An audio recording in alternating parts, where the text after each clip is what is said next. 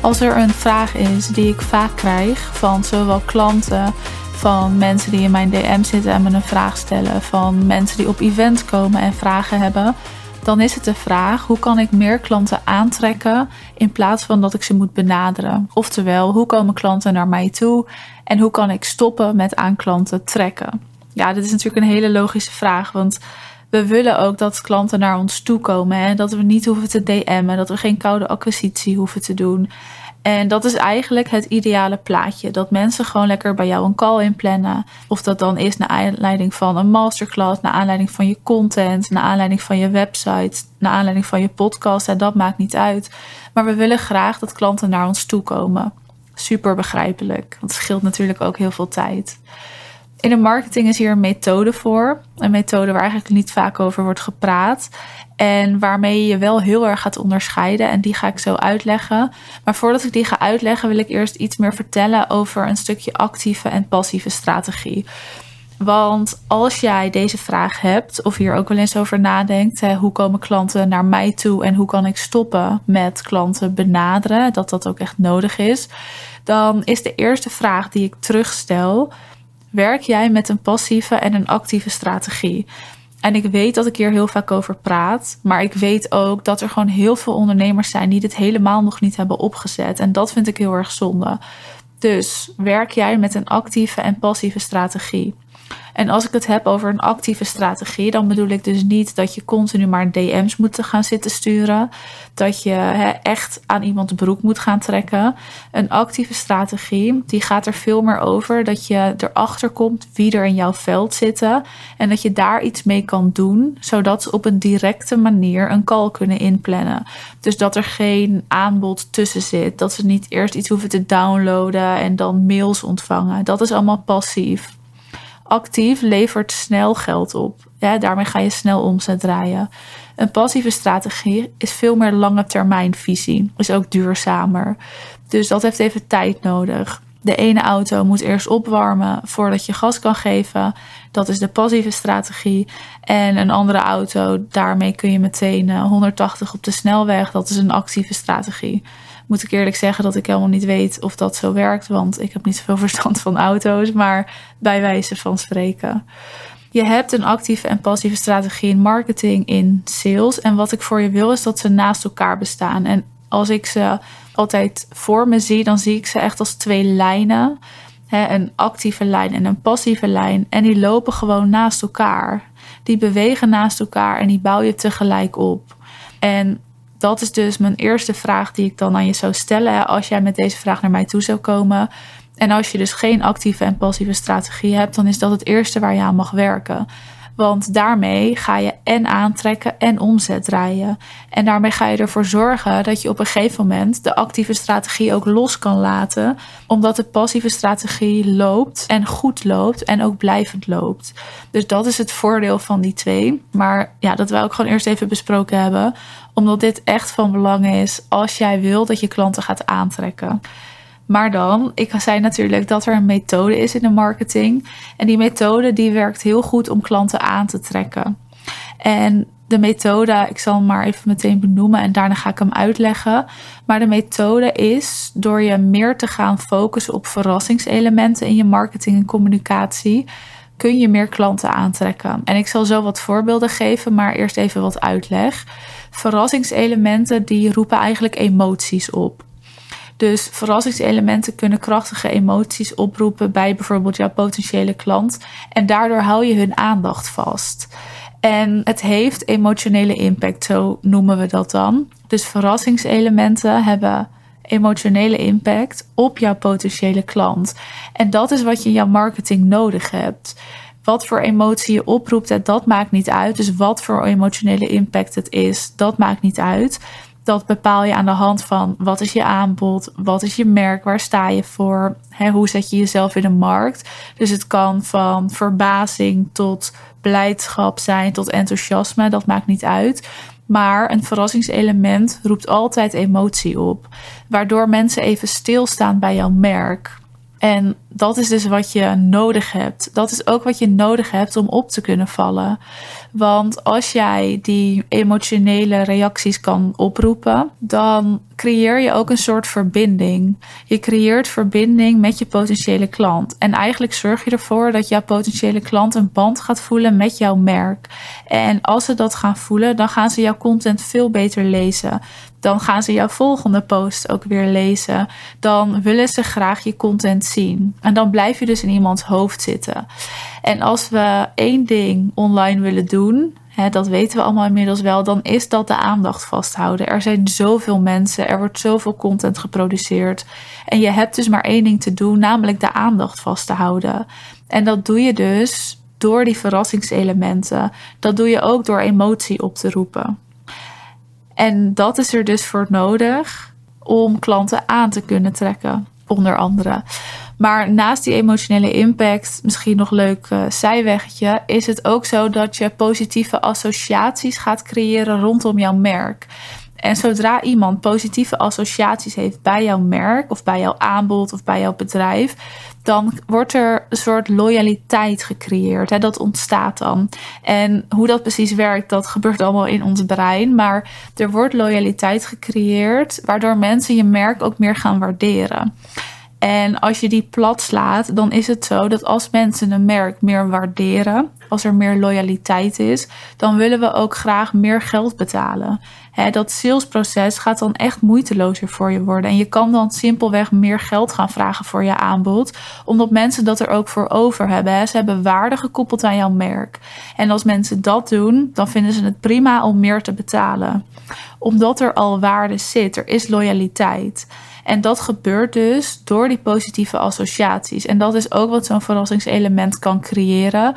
Maar dat is dus ook wat emotie creëert. Dus als emotie koppelen aan je merk, ontstaan er positieve associaties. En daardoor ontstaat er waarde die wordt gekoppeld aan jouw merk, waardoor je veel makkelijker hogere prijzen kan vragen.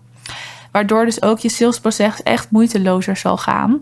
En als laatste wat het voordeel is ook van die verrassingselementen, is dat de betrokkenheid echt wordt vergroot. Zowel de emotionele betrokkenheid, maar ook gewoon de betrokkenheid als in dat het nieuwsgierig maakt, dat mensen willen reageren, dat mensen meer willen zien. Mensen willen graag bij je blijven. En dus delen ze het ook sneller, reageren ze ook sneller, zullen ze je veel sneller een DM sturen. Dus je neemt echt een soort drempel weg. Nou, ik heb het natuurlijk over verrassingselementen en ik snap best wel dat het een beetje vaag klinkt verrassingselementen, dat kan je zo groot maken en zo klein maken als je wil.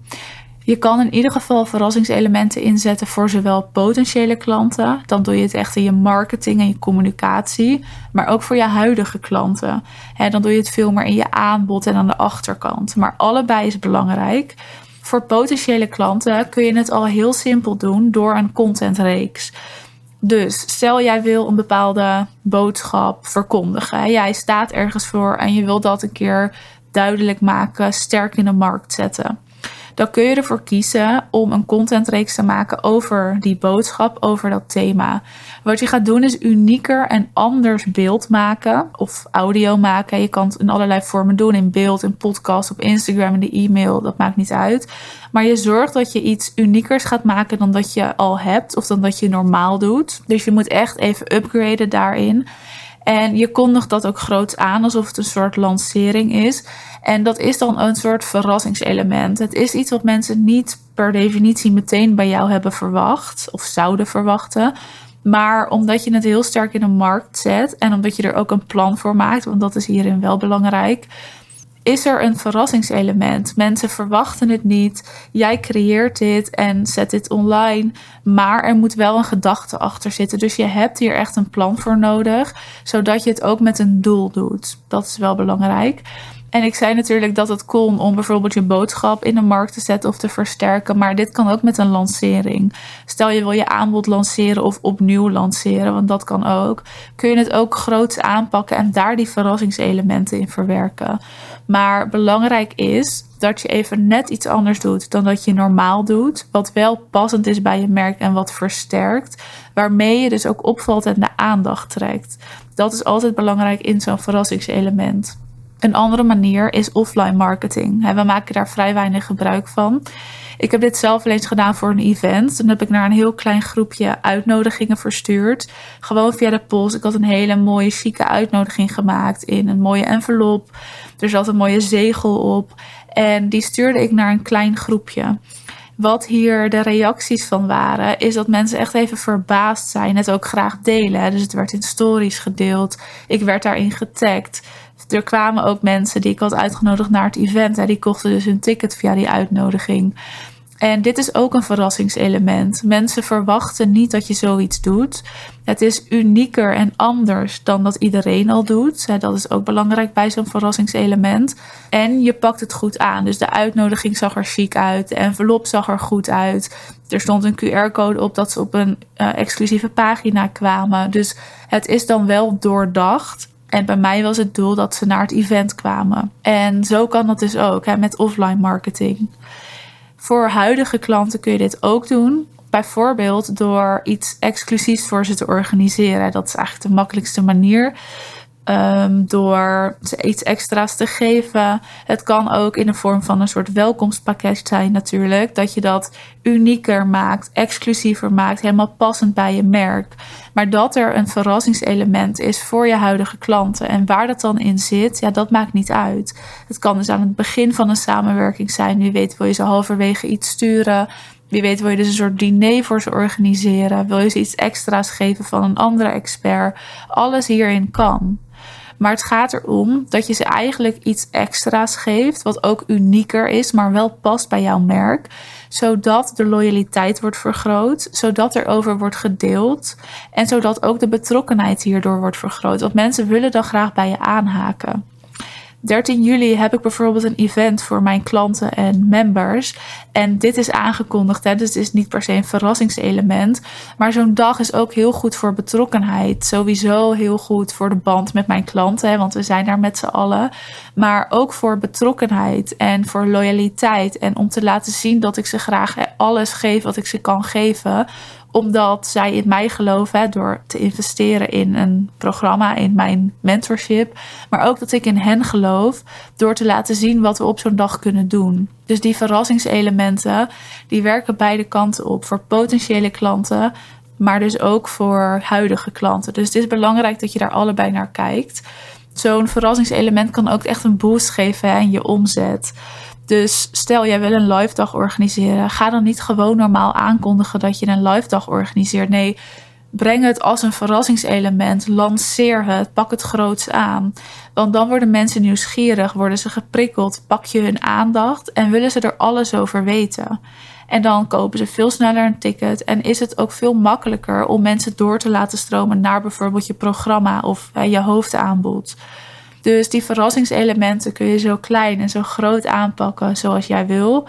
Je kan het op allerlei manieren inzetten. Het kan online, het kan offline, het kan in een reeks, het kan gewoon een enkele keer zijn. Maar het is aan jou om te kijken wat er dan bij je past. En het succes van alles wat je in je marketing doet, hangt gewoon heel erg af van verschillende factoren. Dat is altijd een combinatie. Maar onder andere creativiteit, relevantie en consistentie. Dat zijn drie factoren die ik altijd in één zin benoem. Maar creativiteit heeft natuurlijk alles te maken met deze verrassingselementen en de relevantie daarvan ook. Dus hoe relevant is het op dit moment? Hoe relevant is het als je kijkt naar jouw bedrijf en aanbod? Ligt het in lijn met elkaar? Dus experimenteer daarmee. Experimenteer met verschillende manieren, met verschillende kanalen, maar ontdek wat werkt voor jou, wat past bij jou en hoe prikkel je je doelgroep hoe daag je jezelf ook een beetje uit. Hè? In plaats van dat je binnen dat stramien blijft. Ga spelen, ga het proberen. Dit is ook iets waar we in mijn mentorship naar kijken. Wat past er bij je? Hoe maken we je merk unieker en eigener vooral? Hè? Die eigenheid, dat we die terugbrengen. Hoe zorgen we dat mensen naar jou toe komen? En zo'n verrassingselement is een onderdeel daarvan. Hij is een mogelijkheid. Dat hoeft niet zo te zijn. Dat is alleen als het bij je past. Maar dat is het mooie van marketing en communicatie en sales. Er is zo ontzettend veel nodig. En jij hebt gewoon de juiste manieren, technieken en strategieën te vinden. Dat is ook wat we dus in mijn mentorship doen. Dus denk je, ik wil hier meer over weten of laten we dit samen doen, dan ben je altijd welkom om een belletje te plannen. Dat kan via de link in de beschrijving. En dan spreek ik je of tijdens het belletje, of dan wil ik je bedanken voor het luisteren naar de aflevering. En ben ik natuurlijk heel benieuwd of jij iets gaat doen met deze verrassingselementen. Dus voel je ook altijd vrij om even een DM te sturen hierover.